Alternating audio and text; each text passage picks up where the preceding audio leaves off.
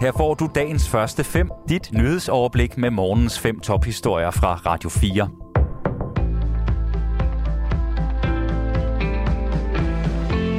Det er torsdag den 6. oktober. Mit navn er Asbjørn Møller.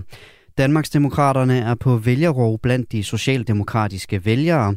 Det viser en analyse lavet for Altinget af professor Kasper Møller Hansen. Ifølge den har over 54.000 vælgere sagt, at de nu vil sætte deres kryds ud for Danmarksdemokraterne i stedet for Socialdemokratiet.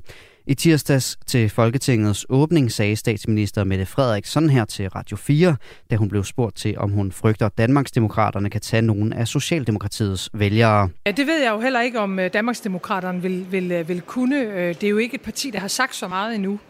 Faktisk nærmest tværtimod. Men på de meldinger, vi har hørt, så er det jo et, et, et fuldtonet borgerligt parti. og det, det er jeg ikke sikker på, at har så stor tiltrækningskraft hos, hos mange socialdemokrater. Og som, og som bekendt skal vi om en lille måneds tid til stemmeboksene, og det har fået statsministeren til at gå i kødet på netop Danmarks Demokraterne. Danmarks Demokraternes formand Inger Støjberg har nemlig selv støttet den centralisering, som hun nu siger, at hun vil kæmpe imod. Så lyder det fra Mette Frederiksen i et interview med Radio 4. Det er jo vigtigt at have med i sine overvejelser. Altså centraliseringen på en række områder er jo sket med Inger Støjberg som øh, minister. Altså det største opgør med centralisering, der er sket i Danmark, har jo været igennem de seneste tre år. Det er jo den regering, der sidder nu, der har lavet nærpolitistationer, for eksempel. Det er den her regering, der udflytter uddannelser. Det er den her regering, der har oprettet øh, skattecenter, blandt andet i Frederikshavn. Jeg synes jo i høj grad, at man skal måle os politikere på, hvad vi gør, og ikke så meget, hvad vi siger. Og Socialdemokratiet er gået så meget frem, at Rød Blok har overtaget føringen fra de borgerlige partier.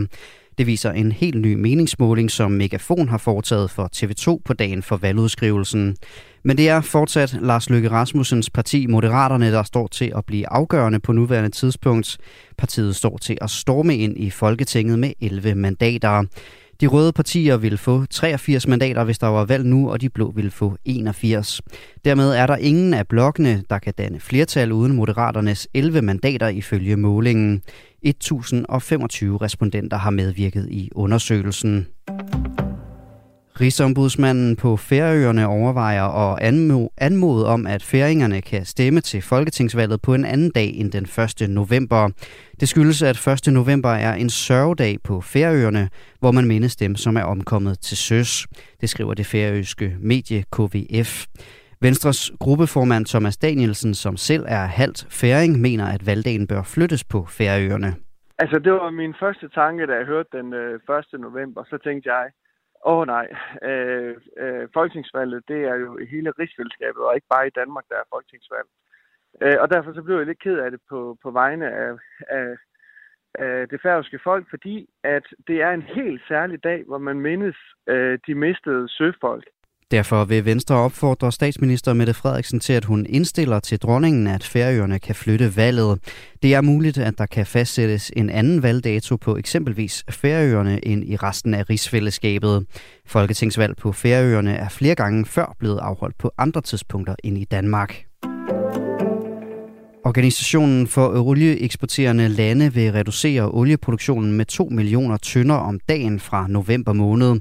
Men det er den amerikanske præsident Joe Biden langt fra tilfreds med, skriver Ritzau. Han så nemlig gerne, at landene producerede mere olie for at kunne sænke olie- og benzinpriserne for forbrugerne, som siden Ruslands invasion i Ukraine er steget.